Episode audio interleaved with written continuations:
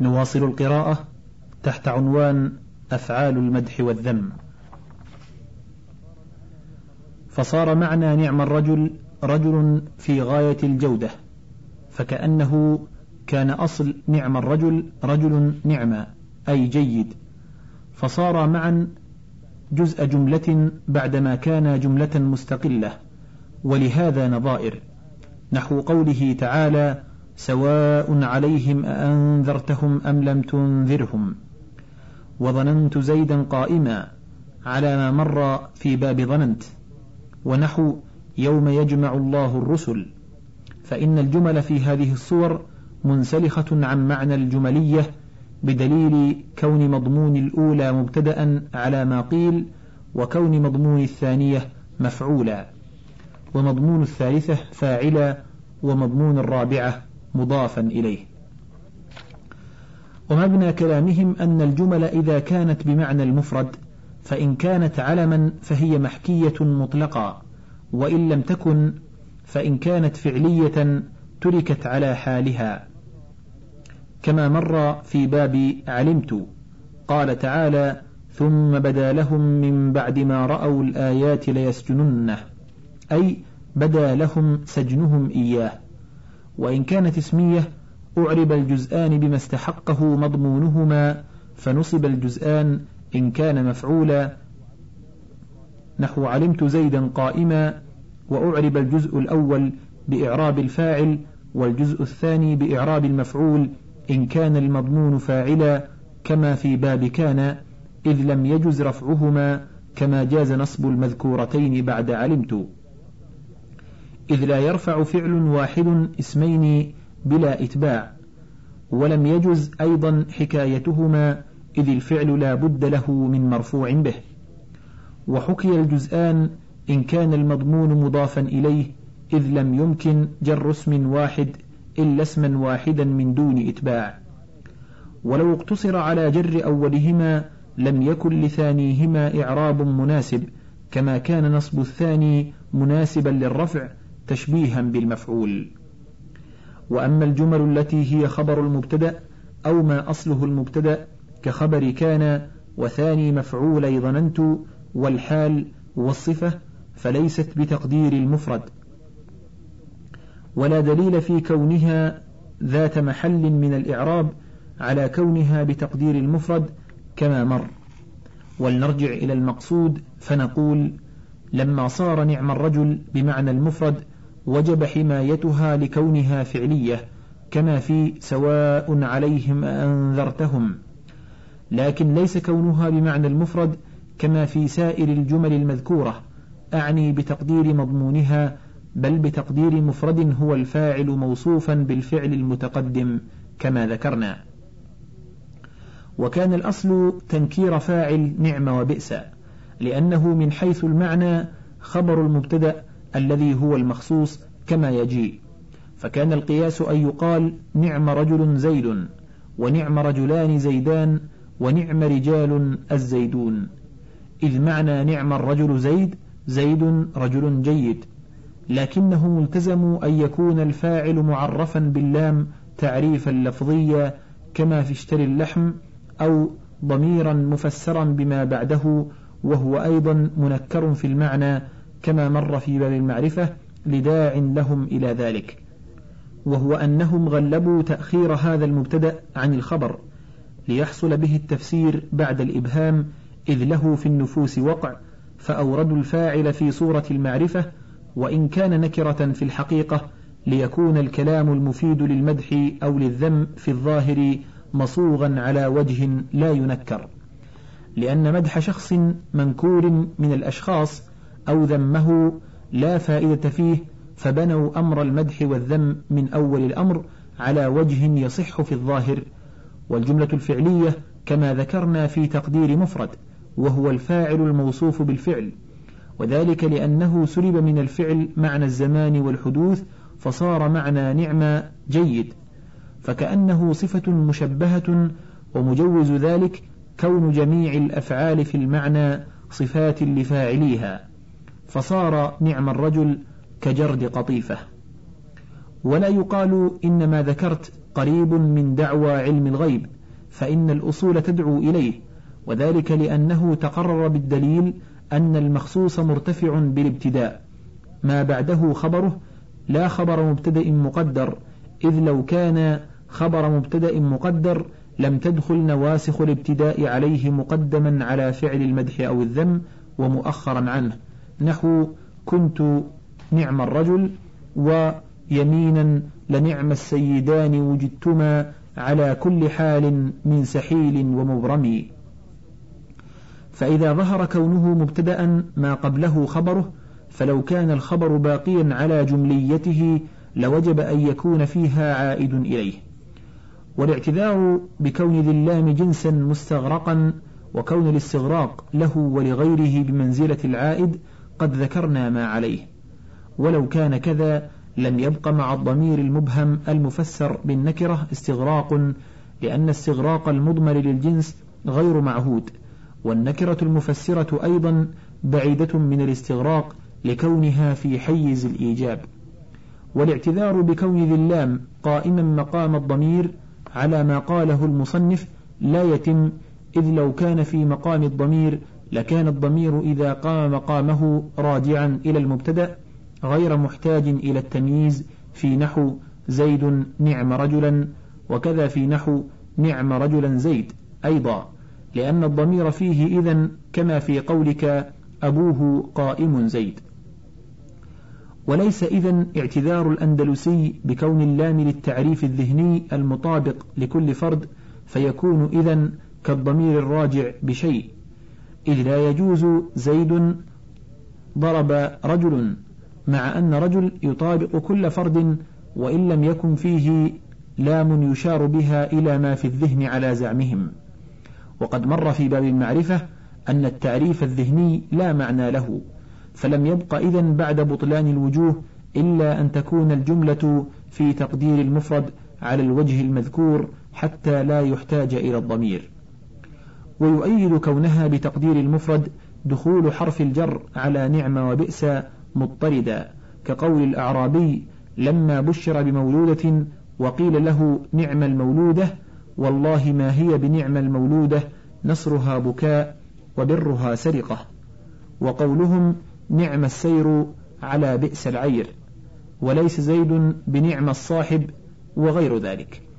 وليس ذلك على الحكاية وحذف القول كما قال بعضهم كقوله والله ما ليلي بنام صاحبه ولا مخالط ليان جانبه أي بمقول فيه ذلك لأن ذلك في نعم وبئس مضطرد كثير بخلاف بنام صاحبه وحكى قطرب نعيم الرجل زيد على وزن شديد وكريم فهذه الحكاية إن صحت تؤكد كون نعم كالصفة المشبهة.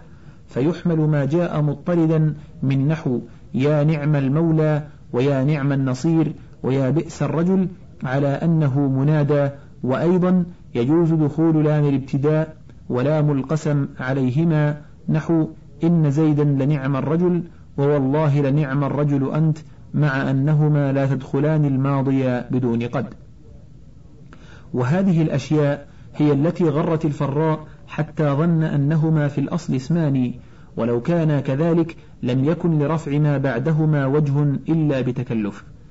ولأجل كون الجملة بمنزلة المفرد لم يتوسط بين جزئيها لا ظرف ولا غيره فلا يقال نعم اليوم الرجل. فإذا تقرر ذلك قلنا في نعم الرجل زيد إن زيد مبتدأ ونعم الرجل خبره. أي زيد رجل جيد. ولم يحتج إلى الضمير العائد إلى المبتدأ لأن الخبر في تقدير المفرد. والأكثر في الاستعمال كون المخصوص بعد الفاعل ليحصل التفسير بعد الإبهام كما مر فيدخله عوامل الابتداء مؤخرا نحو نعم الرجل كنت وقوله يمينا لنعم السيدان وجدتما على كل حال من سحيل ومبرم وقد يتقدم المخصوص على نعم وبئس نحو زيد نعم الرجل وهو قليل. ومع ذلك يستعمل الفاعل بلام زائدة كما رأيت أو مضمرا مفسرا بما بعده كقول الأخطل أبو موسى فجدك نعم جدا وشيخ الحي خالك نعم خالا.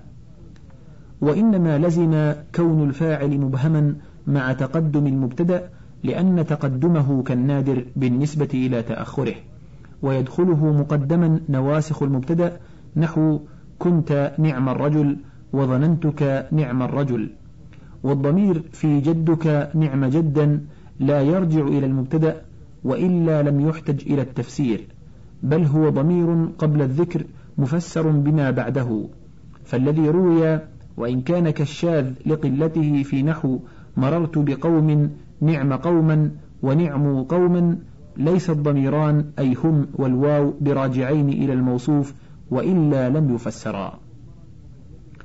قوله مضمرا مميزا بنكرة منصوبة. اعلم أن الضمير المبهم في نعم وبئس على الأظهر الأغلب لا يثنى ولا يجمع ولا يؤنث اتفاقا بين أهل المصرين لعلتين. إحداهما عدم تصرف نعم وبئس فلم يقولوا نعم رجلين ونعموا رجالا ونعمة امرأة لأن ذلك نوع تصرف ولهذا أجازوا نعم المرأة هند وبئس المرأة دعد كما أجازوا نعمة المرأة. لكن إلحاق تاء التأنيث أهون من إلحاق علامتي التثنية والجمع لأنهما تلحق بعض, بعض الحروف أيضا كلات وثمة وربة ولعلة فلذلك اضطرد نعمة المرأة ولم يضطرد نعم رجلين ونعم رجالا. والعلة الثانية أن الضمير المفرد المذكر أشد إبهاما من غيره لأنك لا تستفيد منه إذا لم يتقدمه ما يعود عليه إلا معنى شيء وشيء يصلح للمثنى والمذكر والمؤنث. ولو ثنيته وجمعته وأنثته لتخصص بسبب إفادة معنى التثنية والجمع والتأنيث والقصد بهذا الضمير الإبهام فما كان أوغل فيه كان أولى. وأما تمييز هذا الضمير فيتصرف فيه إفرادا وتثنية وجمعا وتأنيثا. نحو نعم رجلا أو رجلين أو رجالا أو امرأة أو امرأتين أو نسوة اتفاقا منهم أيضا. وأما الضمير في ربه رجلا فالبصريون يلتزمون إفراده للعلة الثانية المذكورة والكوفيون يجعلونه مطابقا لما يقصد فيثنونه ويجمعونه ويؤنثونه وليس ما ذهبوا إليه بعيد لأنه مثل قوله ويل مها روحة ويا لها قصة ويا لك من ليل وقد تصرف في الضمير كما رأيت. وأما تمييز هذا الضمير فذهب الجزولي وتبعه من شرح كلامه إلى لزوم إفراده. والظاهر أنه وهم منهم بل تجب مطابقته لما قصد عند أهل المصرين. أما عند أهل الكوفة فظاهر لأنهم يطابقون بالضمير تمييزه في التثنية والجمع والتذكير والتأنيث. وأما عند أهل البصرة فلأنهم لو التزموا إفراده كما التزموا إفراد الضمير لجاء اللبس إذا قصد المثنى والمجموع. وقد صرح ابن مالك والمصنف بمطابقته لما قصد وهو الحق. ولا يجوز الفصل بين مثل هذا الضمير المبهم وتمييزه لشدة احتياجه إليه إلا بالظرف. قال الله تعالى بئس للظالمين بدلا. وإذا لم يفصل في نحو عشرون رجلا بين المبهم وتمييزه إلا في الضرورة فما ظنك بمثل هذا الضمير؟ وقد جاء شاذا بغير الظرف نحو نعم زيد رجلا. وأما الفصل بين ذا في حبذا وتمييزه فلجواز استغنائه عنه. فلذا قيل حبذا رجلا زيد وحبذا زيد رجلا. ولا يجوز أن يجاء لهذا الضمير بالتوابع كالبدل والتأكيد والعطف. لأنه من شدة الإبهام كالمعدوم والاعتبار بتمييزه وهو المفيد للمقصود ويلزم هذا الضمير غالبا أن يميز. وقيل في قوله تعالى بئس مثل القوم الذين إن التمييز محذوف أي بئس مثلا مثل القوم والأولى حذف المضاف من الذين على أنه المخصوص أي بئس مثل القوم مثل الذين أو حذف المخصوص أي بئس مثل القوم المكذبين مثلهم كما يجي.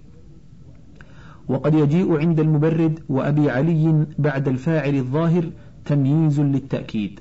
قال تزود مثل زاد أبيك فينا فنعم الزاد زاد أبيك زادا. وقال تعالى ذرعها سبعون ذراعا.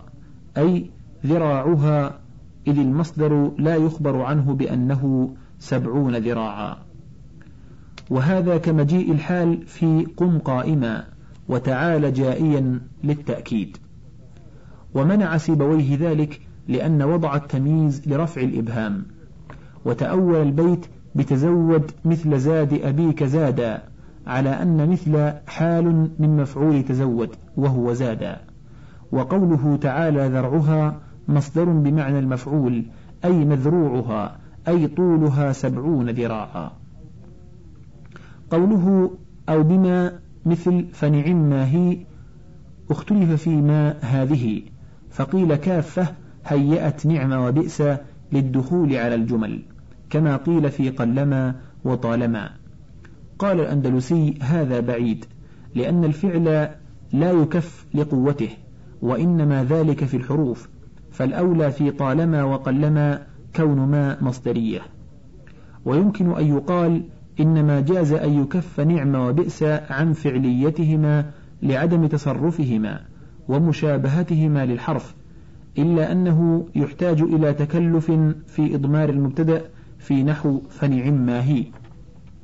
وقال الفراء وأبو علي هي موصولة بمعنى الذي فاعل نعم وبئس والجملة بعدها صلتها ففي قوله تعالى بئس ما اشتروا به أنفسهم أن يكفروا ما فاعل وأن يكفروا مخصوص.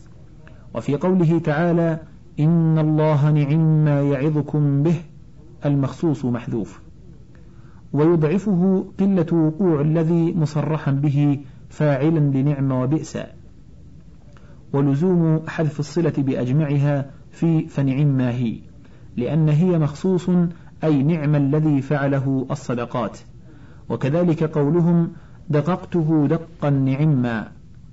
وقال سيبويه والكسائي ما معرفة تامة بمعنى الشيء. فمعنى فنعم ما هي نعم الشيء هي. فما هو الفاعل لكونه بمعنى ذي اللام. وهي مخصوص ويضعفه عدم مجيء ما بمعنى المعرفة التامة أي بمعنى الشيء في غير هذا الموضع. إلا ما حكى سيبويه أنه يقال إني مما أفعل ذلك أي من الأمر والشأن أن أفعل ذلك. قال وإن شئت قلت إني مما أفعل بمعنى ربما أفعل كما يجيء في الحروف.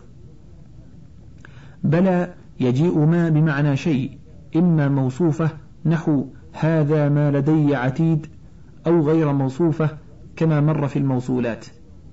وأيضا يلزم حذف الموصوف أي المخصوص وإقامة جملة مقامه في نحو نعم ما يعظكم به ولبئس ما شروا به أنفسهم وهو قليل كما ذكرنا في باب النعت في قوله أنا ابن جلا وطلاع الثنايا متى أضع العمامة تعرفوني؟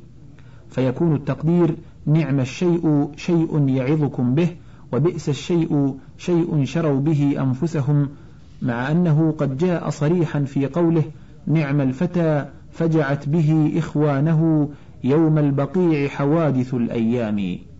أي فتى فجعت ويجوز أن يكون تخرج في قوله تعالى كبرت كلمة تخرج صفة مخصوص محذوف وأن يكون صفة التمييز المذكور والمخصوص محذوف أي قولهم.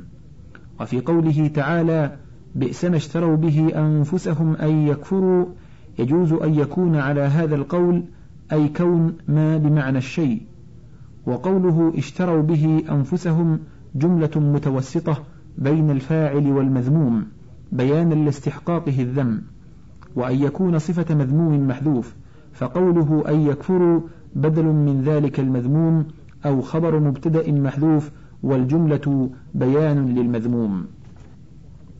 قال الزمخشري والفارسي في أحد قوليه ما نكرة مميزة منصوبة. إما موصوفة بالجملة والمخصوص إما محذوف كما في قوله نعم ما يعظكم به أو مذكور كما في قوله تعالى بئس ما اشتروا به أنفسهم أن يكفروا أو نكرة غير موصوفة كما في نحو فنعم ما هي وقولهم دققته دقا نعما. ولا يؤكد فاعل نعم الظاهر تأكيدا معنويا. لأنه لا يكون إلا للمعارف كما هو مذهب البصريين. وهذا المعرف باللام في معنى النكرة كما بينا. ويجوز تأكيده لفظا نحو نعم الرجل الرجل زيد.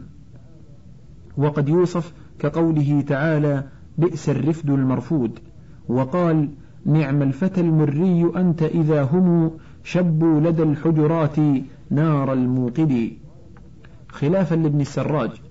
قال لأن الصفة مخصصة والمقصود العموم والإبهام. وقال إن المرفود مذموم والمري بدل من الفتى. وليس بشيء لأن الإبهام مع مثل هذا التخصيص باق إذ المخصوص لا يعين فهو كقوله تعالى ولعبد مؤمن ولا يمتنع عند أبي علي والمبرد وهو الحق خلافا لغيرهما إسناد نعم وبئس إلى الذي الجنسية.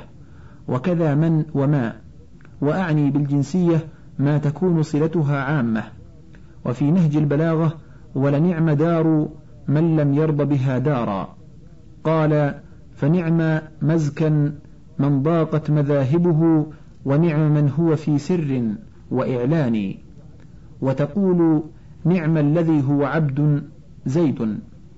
وأما إن كانت صلتها مخصوصة نحو نعم الذي كان, في كان اليوم في الدار والإشارة إلى شخص معين فلا يجوز.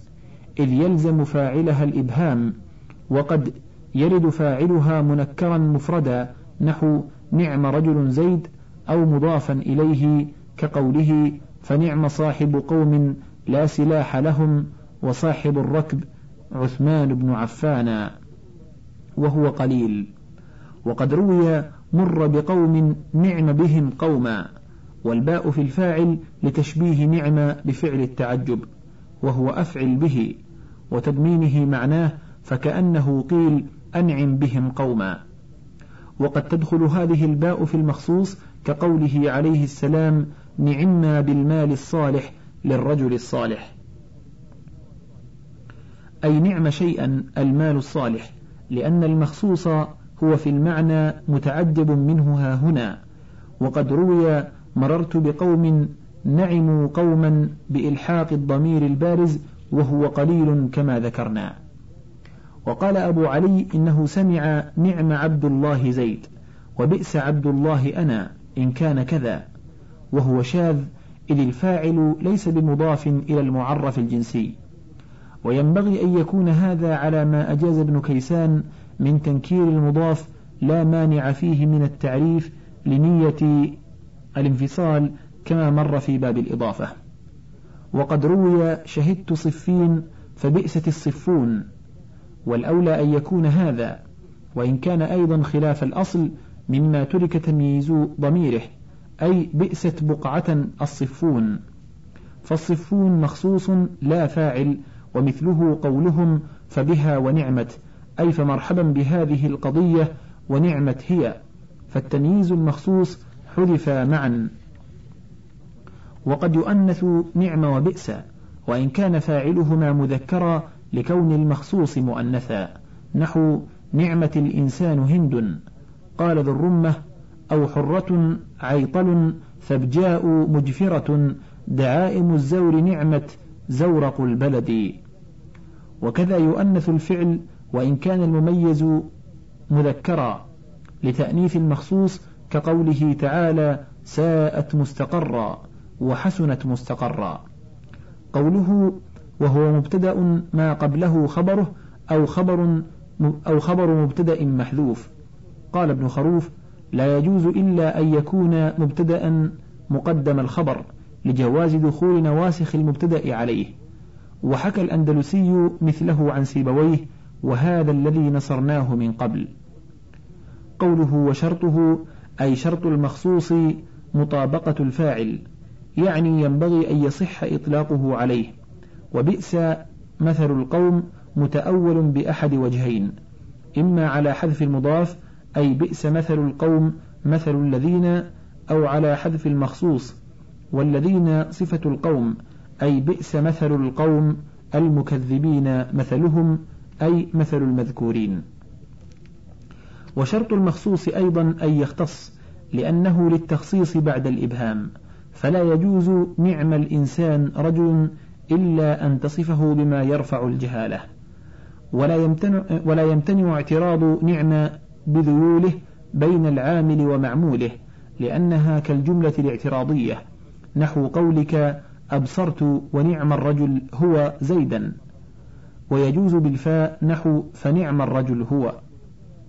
قوله وساء مثل بئس نحو ساء مثلا القوم اعلم أنه يلحق بنعم وبئس كل ما هو على فعل بضم العين بالأصالة نحو ظرف الرجل زيد أو بالتحويل إلى الضم من فعل أو فعل نحو رموة اليد يده وقضو الرجل زيد بشرط تضمينه معنى التعجب. ولهذا كثر انجرار فاعل هذا الملحق بالباء وذلك لكونه بمعنى أفعل به. نحو ظرف زيد أي أظرف به. ويكثر أيضا استغناؤه عن الألف واللام كقوله تعالى وحسن أولئك رفيقا ورفيقا تمييز لإبهام أولئك وقيل حال. ونحو قوله قعدت له وصحبتي بين ضارج وبين العذيب بعدما متأملي. ما فيه زائدة وكذا في قولهم شد ما أنك ذاهب وأن فاعل شد ويجوز أن تكون ما فيهما كما في نعم ومتأملي وأن مخصوصان.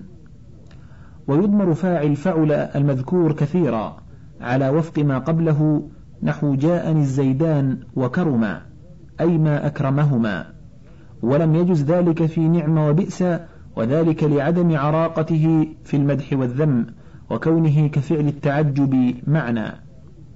قوله ومنها حبذا وفاعله ذا. أصل حب حبب كظرف أي صار حبيبا فأضغم كغيره وألزم منع التصرف لما ذكرنا في نعم وبئس. قوله ولا يتغير يعني لا يثنى ذا ولا يجمع ولا يؤنث بل يقال حبذا الزيدان وحبذا الزيدون وحبذا هند ولا يقال حب ذاني ولا حب أولى ولا حبتا لأنه مبهم كالضمير في نعم وبئس فألزم الإفراد وخلع منه الإشارة لغرض الإبهام فحبذا بمعنى حب الشيء. وعند المبرد وابن السراج أن تركيب حب مع ذا أزال فعلية حب لأن الاسم أقوى فحبذا مبتدأ والمخصوص خبره أي المحبوب زيد. وقال بعضهم بل التركيب أزال اسمية ذا لأن الفعل هو المقدم فالغلبة له وصار الفاعل كبعض حروف الفعل فحبذا فعل والمخصوص فاعله. وإذا دخل لا على حبذا وافق بئس معنى. والأولى أن يقال في إعراب مخصوص حبذا إنه كإعراب مخصوص نعمة إما مبتدأ أو خبر مبتدأ لا يظهر كما قاله قوم هناك لكن لا تعمل النواسخ في هذا المخصوص ولا يقدم على حبذا. وقال بعضهم المخصوص بعد حبذا عطف بيان لذا وكان ينبغي أن يجوز ادعاء مثل ذلك يجوز ادعاء مثل ذلك في مخصوص نعم وبئس إلا أن دخول النواسخ يمنع من ذلك. انتهى الشريط السادس والعشرون من كتاب شرح الكافية لرضي الدين الاستراباذي وله بقية على الشريط السابع والعشرين.